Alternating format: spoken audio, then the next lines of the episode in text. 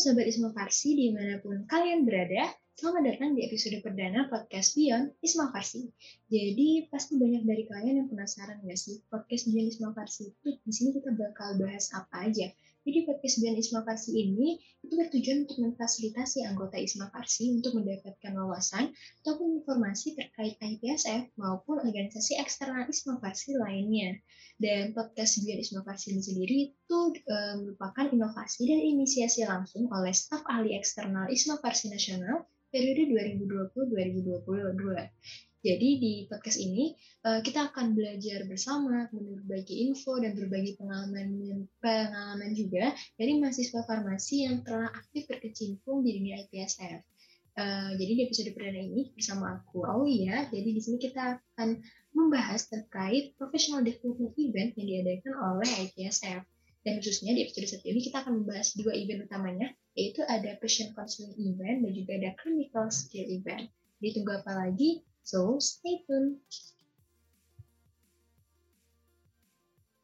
Oke, okay, halo lagi semuanya. Jadi sebagaimana yang udah aku sampaikan sebelumnya, di yang sesi pertama ini kita bakal bahas terkait passion counseling event. Nah, jadi di sini udah bergabung bersama aku ada Kak Hoirini Salsa Sabila Lutfi. Halo Kak Salsa. Halo Aul.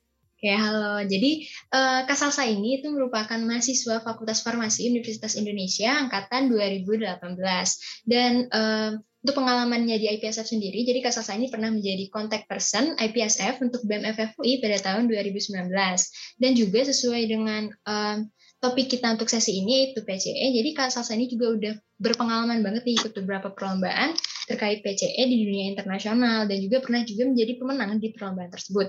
Uh, misalnya Kak Salsa juga udah pernah um, memenangi uh, online PCE oleh IPSF A Pro pada tahun 2020, juga menjadi juara tiga nih di PC Advanced Level di APPS Manila 2021. Uh, jadi hari Kak Salsa Um, mungkin aku langsung bahas saja kayak masuk ke topiknya. Jadi um, banyak nih teman-teman yang masih belum terlalu familiar nih kak sama IPSF ataupun kayak um, ada kompetisi atau perlombaan apa aja sih di IPSF kayak gitu. Mungkin dari kak Salsa bisa cerita sedikit nggak sih kak um, kayak di IPSF ini sebenarnya kita ada perlombaan apa aja atau kompetisi apa aja? Oke, uh, halo semuanya. Jadi uh, thank you Awal udah memperkenalkan aku. Jadi buat teman-teman yang mungkin belum tahu IPSF itu apa, jadi IPSF itu stands for uh, International Pharmaceutical Students Federation. Jadi um, kayak organisasi internasionalnya buat seluruh anak farmasi di dunia. Jadi dia organisasi internasional sama kayak kalau Isma Farsi tingkat nasionalnya, IPSF itu tingkat internasionalnya.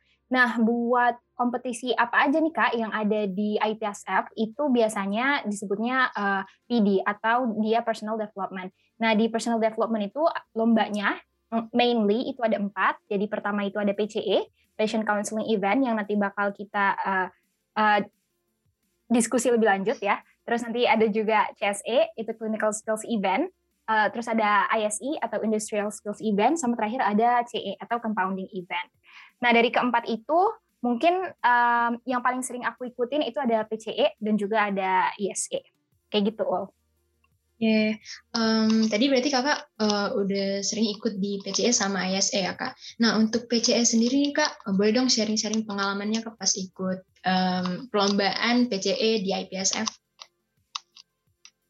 Oke, uh, buat pengalaman aku untuk ikutan lomba PCE ini, uh, sebenarnya aku pertama kali ikut lomba PCE itu di tahun kemarin ya, waktu APPS. Jadi buat teman-teman yang belum tahu APPS itu apa, APPS itu uh, uh, Asia Pacific Pharmaceutical Students Symposium.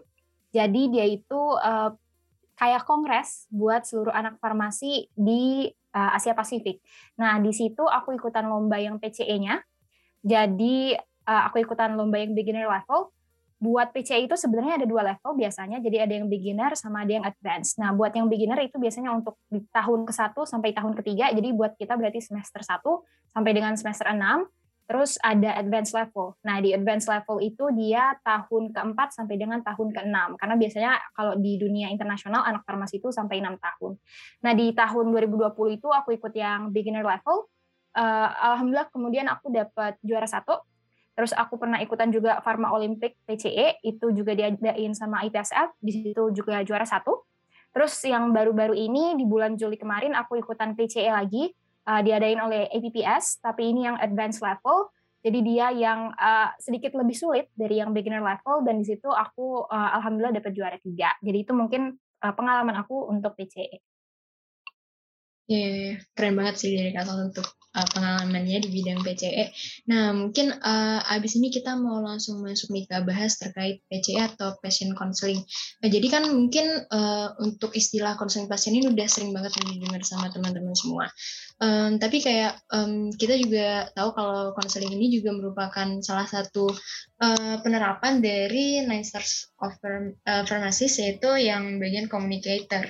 Nah, dari Kak Salsa sendiri Kak, um, untuk konseling pasien itu um, sebenarnya tuh kita gimana sih kak untuk pelaksanaannya terus kayak tahapannya tuh apa aja dan untuk um, kriteria pasien yang harus diberi konseling itu kira-kira semua pasien ataukah ada pasien tertentu gitu kak? Oke, pertanyaan banyak ya, tapi aku yeah. jawab satu-satu dulu. okay, Ini pertama dari definisi konseling dulu ya.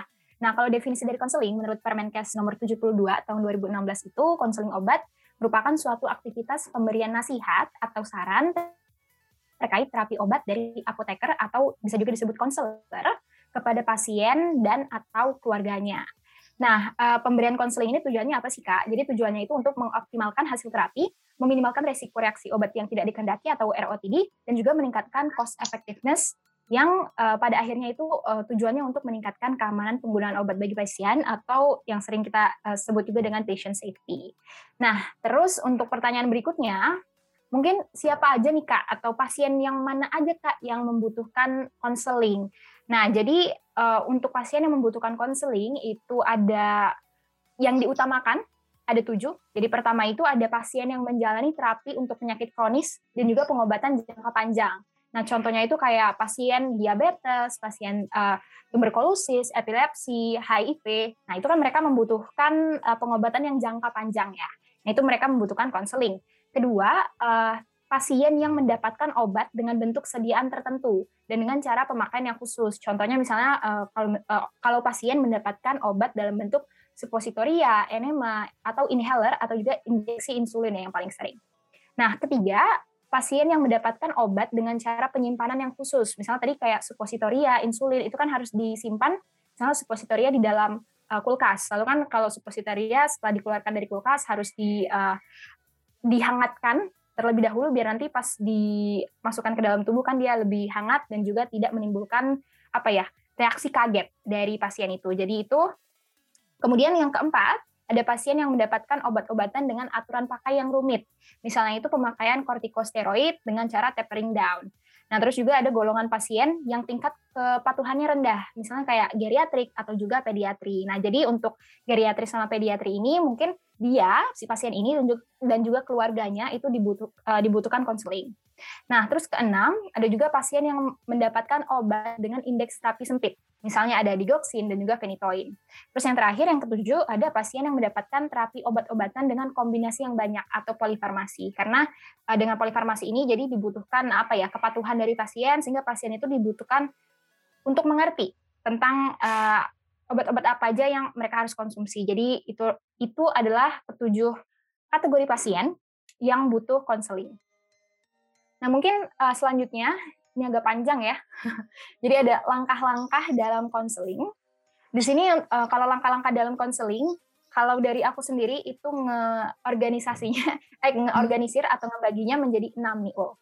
Jadi enam itu ada pertama ada pembukaan, kedua ada pengumpulan informasi atau gathering information, terus yang ketiga ada informasi obat atau drug information, jadi pemberian obat, uh, pemberian informasi obat, terus yang keempat ada uh, penyampaian tentang non farmakologinya. Jadi kita memberikan tips and tricks tentang diet dan juga tentang uh, lifestyle. Yang kelima ada ringkasan atau summary. Jadi kita ringkas lagi nih uh, informasinya buat ke pasien. Terus yang terakhir ada closing atau penutup. Nah mungkin uh, ini aku jelasin satu-satu atau gimana? Oh, boleh nih kak. Uh -uh, boleh secara singkat boleh. Oke, okay, secara singkat ya. Nah, jadi tapi agak panjang nggak apa-apa ya. Iya, jadi ya, jadi pertama itu ada pembukaan. Jadi intinya di pembukaan itu kita pertama harus memperkenalkan diri. Uh, sebelum memperkenalkan diri kita harus nge-greet ngegreet itu bahasa Indonesianya memberikan salam. Memberikan salam dulu ke pasien, terus memperkenalkan diri. Setelah itu kita konfirmasi identitas uh, si pasien atau si pengguna resep dan juga si penebus resepnya karena bisa jadi antara penebus dan juga pengguna resep itu bisa berbeda. Kemudian uh, setelah dikonfirmasi kita minta kesediaan waktu untuk konseling dan terakhir diberitahu bahwa konseling ini bersifat rahasia jadi uh, tidak usah khawatir. Gitu. Itu di pembukaan. Nah, setelah pembukaan kita masuk ke step yang kedua yaitu pengumpulan informasi atau gathering information. Intinya di pengumpulan informasi ini kita menggali informasi terkait si pasien. Jadi pertama kita sampaikan dulu three prime questions. Buat teman-teman yang masih ingat three prime questions itu apa? Pertama ada informasi mengenai obat, terus cara penggunaan obat, sama harapan setelah mengonsumsi obat. Setelah itu ditanyakan, terus baru kita menggali informasi. Informasi apa aja nih Kak yang kita gali? Pertama ada gejala, jadi eh, apa saja yang dirasakan oleh pasien sehingga pasien mendapatkan obat ini. Terus ada riwayat penyakit, jadi eh, pengobatan dulu atau sekarang yang masih digunakan terus riwayat penggunaan OTC atau obat uh, over the counter, terus ada juga obat herbal dan juga vitamin. Terus ditanyain juga alergi, uh, sedang hamil atau menyusui, merokok atau tidak merokok, menggunakan alkohol atau kegiatan-kegiatan lain. Nah, di pengumpulan informasi ini strateginya adalah kita harus memberikan pertanyaan secara terbuka. Jadi open uh, open ended questions. Jadi jangan close ended questions. Jadi tanyakan dengan uh, kata tanya bagaimana. Jangan tanyakan ya atau tidak. Karena kalau iya atau tidak kan itu jadi close ended questions. Kayak gitu. Itu di step kedua, terus kita masuk ke step ketiga, penyampaian informasi obat. Jadi di penyampaian informasi obat itu apa aja yang harus kita sampaikan? Pertama ada nama obat, kemudian ada indikasi atau kegunaan obat, eh, lalu ada frekuensi penggunaan obat, waktu penggunaan obat sebelum atau setelah makan, pagi atau malam hari, Terus ada cara penggunaan alat apabila dia uh, ada, misalnya dia injeksi insulin atau inhaler. Terus uh, disampaikan juga efek samping yang mungkin ada dan juga tempat penyimpanan. Nah, uh, di sini uh, strateginya adalah kita kalau misalnya dia polifarmasi atau misalnya ada lebih dari satu obat itu ditunjukkan kemasannya satu-satu. Jadi biar si pasien ini tahu ini obat A, ini obat B. Nah, terus kita uh, juga memberitahukan uh, bahwa ada efek samping tapi efek samping ini tidak terjadi pada semua orang, jadi tidak usah khawatir. Dan juga kita uh, kasih tahu kalau misalnya ada brosur atau leaflet yang ada di dalam kemasan obat. Nah, jadi itu disampaikan juga pada saat penyampaian informasi obat. Nah, di penyampaian informasi obat kita juga harus ingat untuk mengkonfirmasi pemahaman si pasien. Jadi kayak uh, kita tanyain nih, uh, sampai di sini apakah sudah jelas atau ada yang ingin ditanyakan Pak atau Bu? Nah, itu kayak gitu. Agak panjang ya. Terus kita masuk ke step keempat itu non farmakologi. Jadi kita menyampaikan rekomendasi terkait non farkol. Jadi bisa tentang diet, diet makanan, bisa juga tentang lifestyle. Jadi contohnya adalah uh, pengobatan ini akan menjadi jauh lebih efektif apabila dibarengi dengan pola hidup yang baik. Contohnya hindari merokok atau minuman beralkohol, makan empat sehat lima sempurna, olahraga teratur, istirahat yang cukup dan lain-lain. Nah, terus masuk ke step kelima itu ada ringkasan. Jadi kita meringkas lagi informasi obat yang uh, kita sampaikan tadi. Jadi kita uh, setelah kita meringkas obat uh, informasi obat ini, kita minta pasien untuk mengulang. Itu tujuannya untuk mengkonfirmasi apakah pasien ini sudah mengerti tentang informasi obat yang kita sampaikan atau belum. Jadi contohnya bisa ditanyakan seperti ini. Bu atau Pak, boleh tolong ulangi apa yang telah saya sampaikan? Nah, itu cara untuk uh, meminta pasien mengulangi apa yang telah kita sampaikan. Nah, Step terakhir itu ada penutup. Di penutup itu kita pertama tanyakan dulu apakah uh, masih ada pertanyaan. Setelah itu kita uh, sampaikan monitoring atau um, contohnya seperti ini. Jadi Pak atau Bu, apakah uh, Anda bersedia jika saya hubungi atau memberikan follow up call dalam tiga atau empat hari ke depan untuk mengecek kondisi dan juga perkembangan Anda. Nah itu contohnya untuk menanyakan uh, monitoring. Setelah itu kita menawarkan kontak. Nah, jadi uh, misalnya ditawarkan nomor telepon apotek yang dapat dihubungi apabila si pasien ada pertanyaan lebih lanjut. Terakhir kita berikan terima kasih dan juga harapan untuk pasien tersebut. Jadi contohnya kayak terima kasih atas waktunya Pak atau Bu, semoga lekas membaik. Nah, kayak gitu. Mungkin itu aja dari keenam step dalam uh, sesi konseling yang bisa aku sampaikan. Oke, makasih banget Kak Salsa. Uh, jujur aku setelah mendengar ini baru kayak kebayang gitu loh Kak, kayak konseling itu, oh ternyata kayak gitu. Um, jadi teman-teman juga mungkin setelah mendengar penjelasan Kak Salsa jadi udah mulai kebayang juga nih kayak konseling itu kayak gimana, pelaksananya kayak gimana. Terus tadi pasiennya juga uh, pasien yang harus menerima konseling itu yang uh, karakternya kayak gimana. Um, mungkin selanjutnya nih Kak, um, kalau kita sedang melaksanakan konseling nih, ada nggak sih hal-hal yang harus diperhatikan uh, dan dihindari? Oke, okay. yang harus diperhatikan dan dihindari ya. Pertama hmm. yang harus diperhatikan itu pastinya selain dari uh, apa ya? Cara kita penyampaian. Jadi maksudnya cara penyampaian itu dari kalimat dan juga dari ekspresi kita, gesture atau gerak tubuh kita itu juga harus diperhatikan. Jadi misalnya gerak tubuh itu harus menunjukkan empati. Misalnya kalau kita konseling secara langsung ya, secara offline itu berarti kan uh, gerakan tangan atau gerakan kita duduk itu kan terlihat oleh pasien. Jadi tunjukkan bahwa misalnya kita duduk terus kita agak uh, tubuh kita itu condong ke depan, itu artinya kan kita mendengarkan apa yang pasien sampaikan. Nah, itu salah satu contoh gesture yang menunjukkan empati. Atau kita uh, menganggukkan kepala ketika pasien itu menjawab pertanyaan kita. Itu kan artinya kita uh, meng, meng, apa ya mendengarkan apa yang dia sampaikan. Nah, jadi gesture-gesture seperti itu itu salah satu contoh yang harus diperhatikan dan juga harus kita menunjukkan empati tapi jangan terlalu berlebihan. Karena kalau menunjukkan empati terlalu berlebihan, terkadang pasien uh, menyalahartikan itu sebagai uh, they took pity on me atau bahasanya apa ya? Kayak dia mengasihani aku kayak gitu. Iya. Jadi uh, show empathy tapi jangan terlalu jangan too much. Itu hmm. yang harus diperhatikan. Terus yang harus diperhatikan juga tadi udah aku sampaikan uh, give open ended questions. Jadi kasih pertanyaan terbuka. Contohnya uh, Pak Bu bagaimana uh, apa ya hmm, bagaimana dokter menjelaskan tentang uh, cara penggunaan obat? Karena kalau misalnya kita tanyanya dengan Pak Bu apakah dokter sudah menjelaskan tentang penggunaan obat itu nantinya mereka hanya menjawab dengan ya atau tidak. Jadi yang mau kita hindari adalah pasien menjawab hanya dengan ya atau tidak. Karena kita mau menggali informasi sebanyak-banyaknya, jadi nanti kita bisa memahami pasien ini dan memberikan apa ya konseling sesuai dengan uh, pemahaman si pasien. Itu buat yang harus diperhatikan. Uh, terus mungkin yang harus diperhatikan pastinya informasi yang disampaikan itu benar ya. Jadi hmm. jangan jangan iya. menyampaikan informasi obat yang salah karena pastinya bakal uh, berakibat ya berakibat buruk lah bagi si pasien itu. Buat hal-hal yang harus dihindari berarti kebalikan dari hal-hal yang harus diperhatikan tadi. Pertama jangan memberikan oke, okay, jangan memberikan close ended questions, terus juga uh, jangan memberikan uh, jangan menunjukkan empati yang terlalu berlebihan karena itu bisa uh, disalahartikan oleh hmm. pasien. Dan juga mungkin um, jangan uh, bersifat apa ya mungkin seperti menggurui mungkin ke uh, pasien.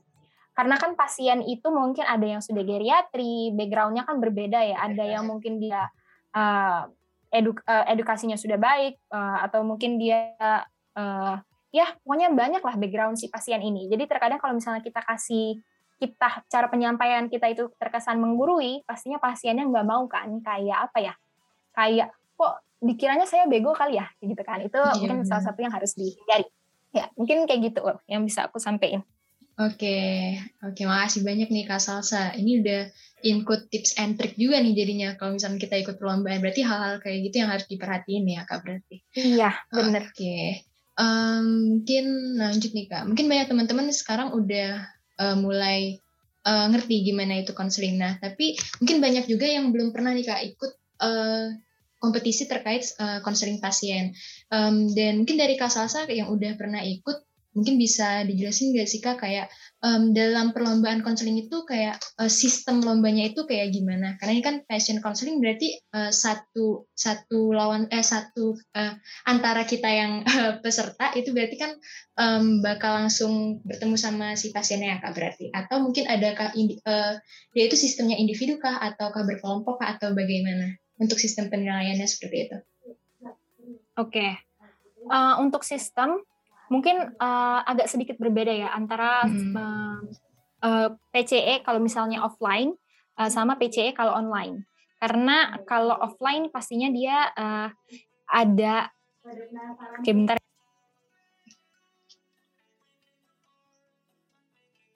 Oke, aku lanjutin. Jadi kalau misalnya dia offline itu nanti ada ruangan-ruangannya. Jadi ada ruangan karantina, ada ruangan membaca, uh, sama juga ada ruangan konseling. Tapi kalau misalnya dia online itu berarti kita pakai break room biasanya ya. Kalau dia uh, tipenya online. Nah, uh, untuk perlombaan tapi mainly itu biasanya PCE dibagi jadi dua ya. Jadi ada yang beginner level sama ada yang advanced level. Ini biasanya di lomba internasional. Kalau lomba nasional kayaknya semuanya jadi satu jadi nggak ada nggak dibagi dua jadi beginner atau jadi advanced. Hmm. tapi uh, baik itu lomba PCE nasional atau lomba PCE internasional biasanya itu dibagi jadi uh, preliminary. Preliminary itu berarti babak penyisihan terus ada babak semifinal baru ada babak final. Nah biasanya di babak uh, preliminary atau babak penyisihan ini dia itu belum konseling jadi uh, sistemnya itu menjawab hmm. pertanyaan Nah, jadi biasanya itu ngejawab lewat Google Form atau ngejawab lewat uh, ya lewat apa ya? Lewat uh, um, ya lewat Google Form atau misalnya um, akses-akses lain ya yang untuk yeah. menjawab pertanyaan kayak gitu. Nah, itu biasanya isi questions-nya itu ada uh, MCQ atau misalnya multiple questions dan juga ada short answer atau misalnya ada juga kita yang disuruh uh, tulis kayak skenario atau script yang mau kita bacain uh, sesuai dengan kasus tersebut. Itu di babak penyisihan. Nah, uh, setelah di babak penyisihan biasanya kan dipilih nih uh, ya kayak 10 teratas atau 15 teratas itu masuk ke babak semifinal. Di babak semifinal biasanya itu kita udah mulai konseling. Jadi udah mulai namanya satu counselor itu dengan satu pasien. Jadi di ruangan itu biasanya dikasih waktu 7 sampai dengan 8 menit untuk sesi konselingnya. Um, di, uh, si konselornya itu langsung berhadapan sama si pasien dan juga nanti ada adjudicatorsnya uh, buat menilai. Sebelum biasanya nih kalau uh, dia agak berbeda buat yang nasional sama yang internasional. Kalau dia yang nasional itu biasanya dikasih kasusnya hamin menit ya, jadi kah hamin 30 hmm. menit dan itu nanti uh, mereka dimasukin ke ruang karantina di ruang karantina itu nanti ada kayak uh, membaca. Jadi ada buku yang biasanya dipakai kalau lomba PCE itu ada buku ISO. Uh, ISO itu buku informasi spesialit obat atau juga ada MIMS buat petunjuk konsultasi. Nah, di situ mereka untuk uh, mencari tahu tentang informasi obatnya ya. Nah, setelah dari ruang karantina itu baru nanti dia masuk dipindahin ke ruang konseling. Buat online mungkin jatuhnya jadi break room. Jadi di break room itu uh, disuruh mencari tahu tentang informasi terkait kasus kasus yang dikasih. Ya setelah dari situ nanti konseling, nanti dipilih lagi lima besar biasanya terus masuk ke final. Di final sama aja, jadi kita konseling juga uh, satu konselor satu pasien dan dia itu um, mungkin perbedaannya uh, kalau misalnya di semifinal pasiennya biasa-biasa aja atau kasusnya biasa-biasa aja, pas di final kasusnya udah mulai complicated dan juga pasiennya udah mulai apa ya nggak pasien biasa tapi pasiennya udah mulai pasien geriatri yang misalnya dia uh, suka marah-marah atau misalnya pasien uh, ya pasien yang membutuhkan penanganan khusus kayak gitu biasanya. Hmm. itu mungkin sistemnya yang bisa aku sampaikan. Oke okay, kak Salsa. Berarti kalau um, dalam perlombaan jadi konseling pasien itu mungkin diawali kayak ada teori dulu ya kak ujian teorinya dulu baru nanti kalau udah lolos baru kita kayak studi kasus gitu ya baru masuk mulai konselingnya sampai final ya berarti ya, ya?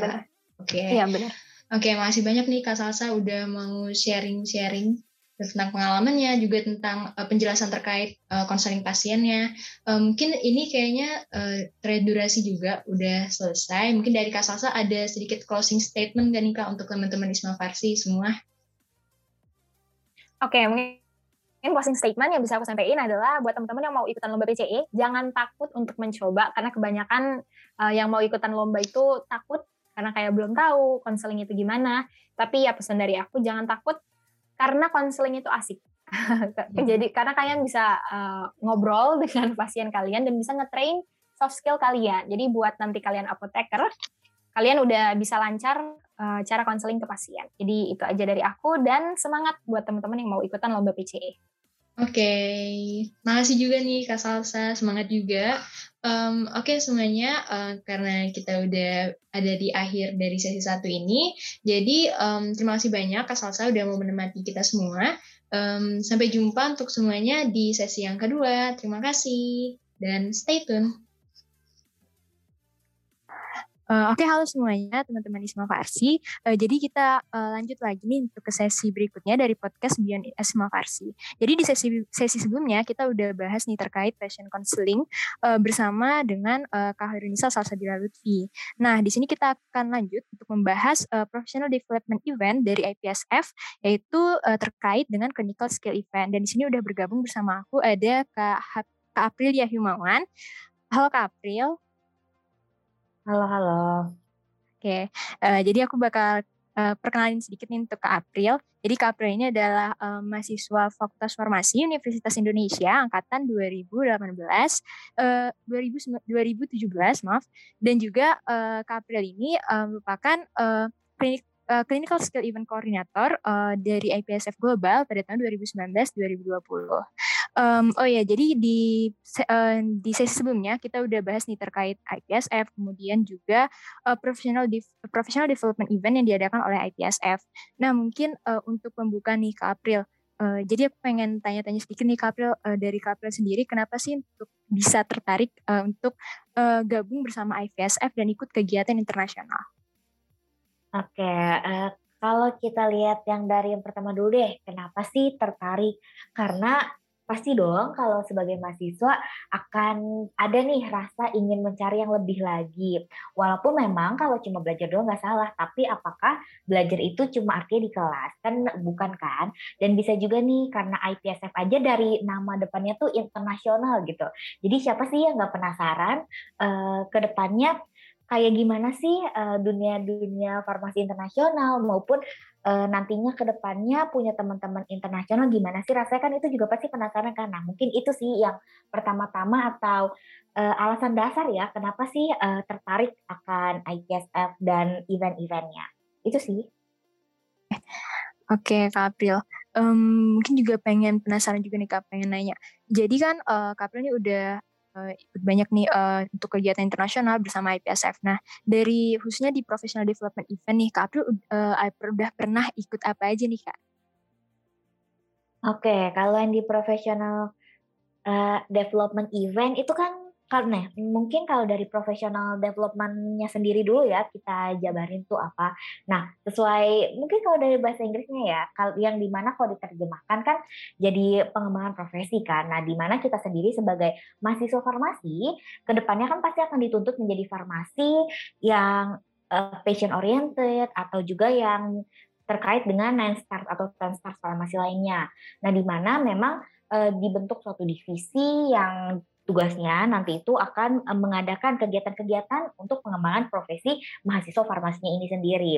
Nah, kalau uh, untuk apa aja yang udah diikuti sebenarnya itu untuk professional development event kan dia sendiri dibagi menjadi beberapa cabang ya untuk lomba-lombanya tadi juga mungkin sudah dijelaskan di sesi sebelumnya oleh Salsa. Nah, e, kalau untuk di mananya saja itu biasa professional development event ada di World Congress, di APPS Asia uh, Pacific Pharmaceutical Symposium lalu juga kadang nih eh, IPSF sendiri itu nanti akan mengadakan lomba-lomba misalnya inter interregional.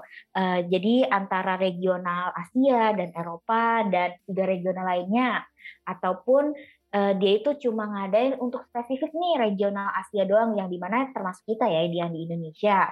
Terus bisa juga kalau yang diadakan IPSF itu kan biasa online kalau dia yang diadakan secara individu. Nah, tapi ada juga nih event-event yang diadakan offline yang tadi udah disebutin di WC ataupun di APPS. Kayak gitu sih, kalau untuk di mana dan apa sajanya. Oke, Kak.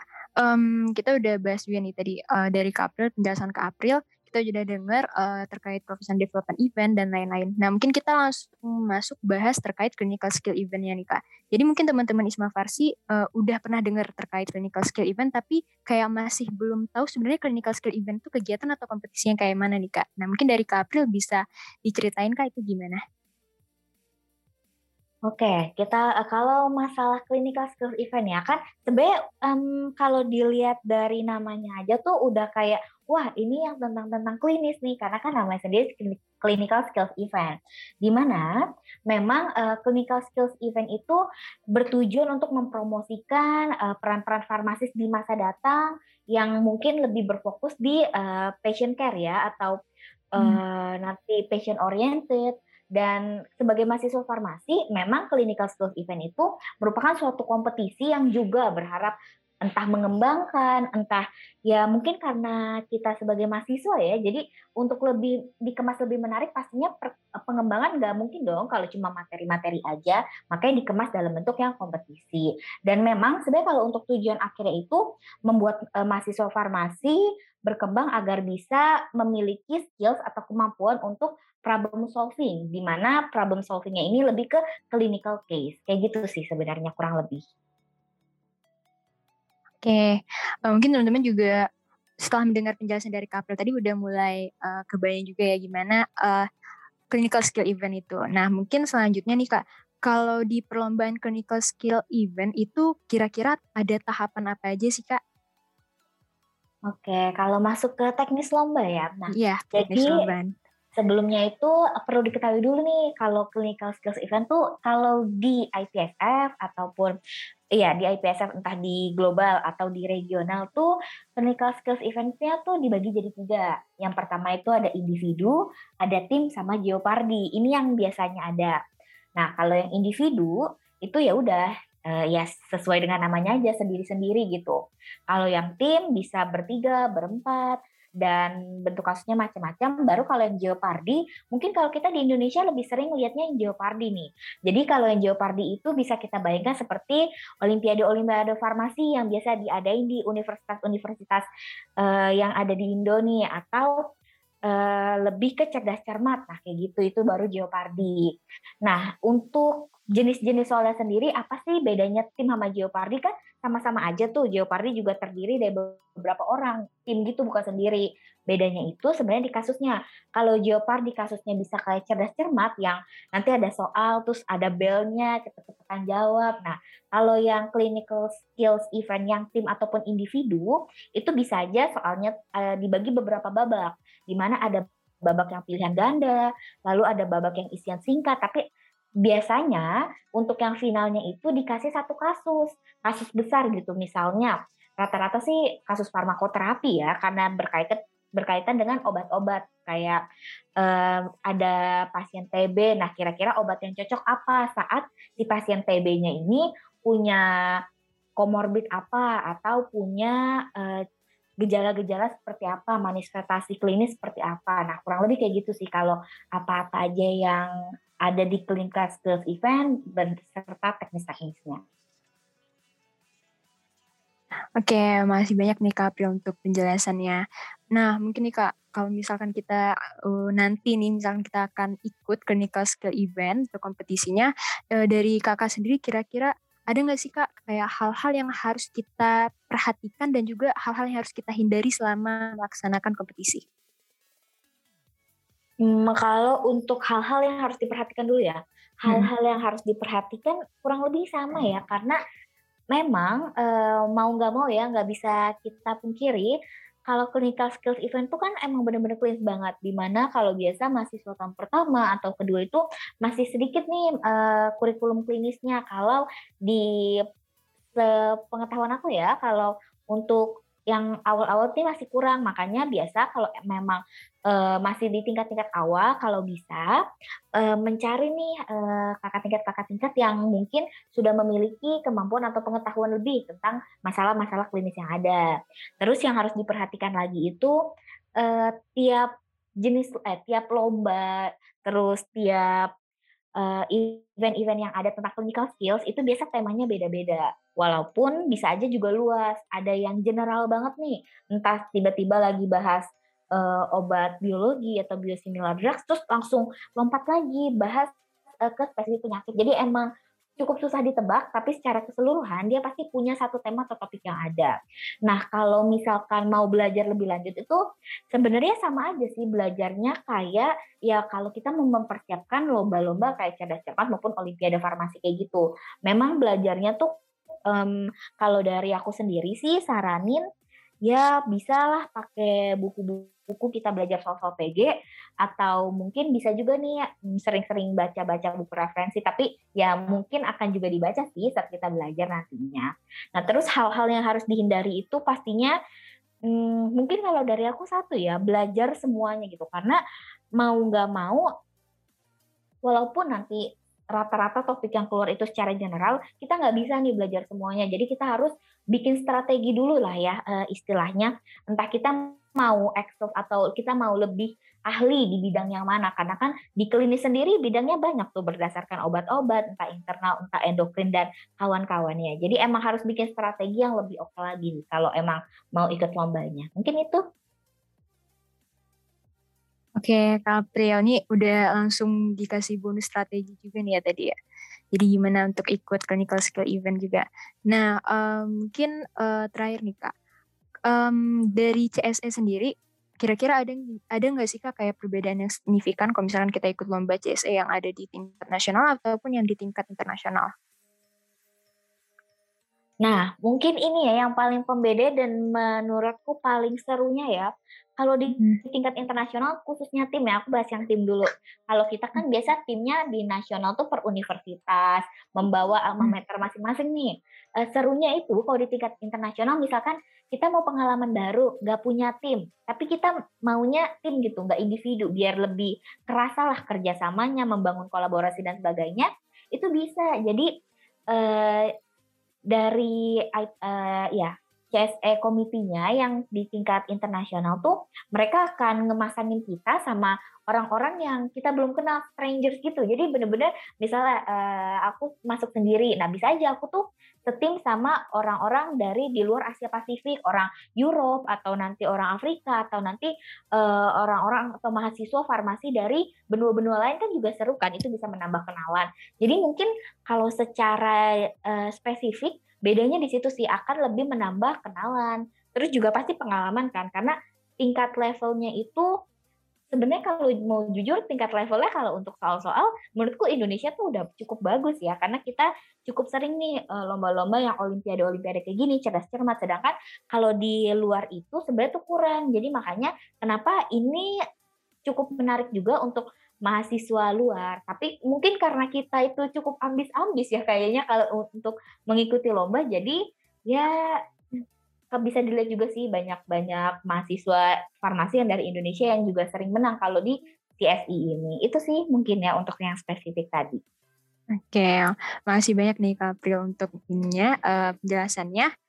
Oke, jadi sebenarnya um, dari kita juga udah nih Kak untuk pertanyaan-pertanyaannya.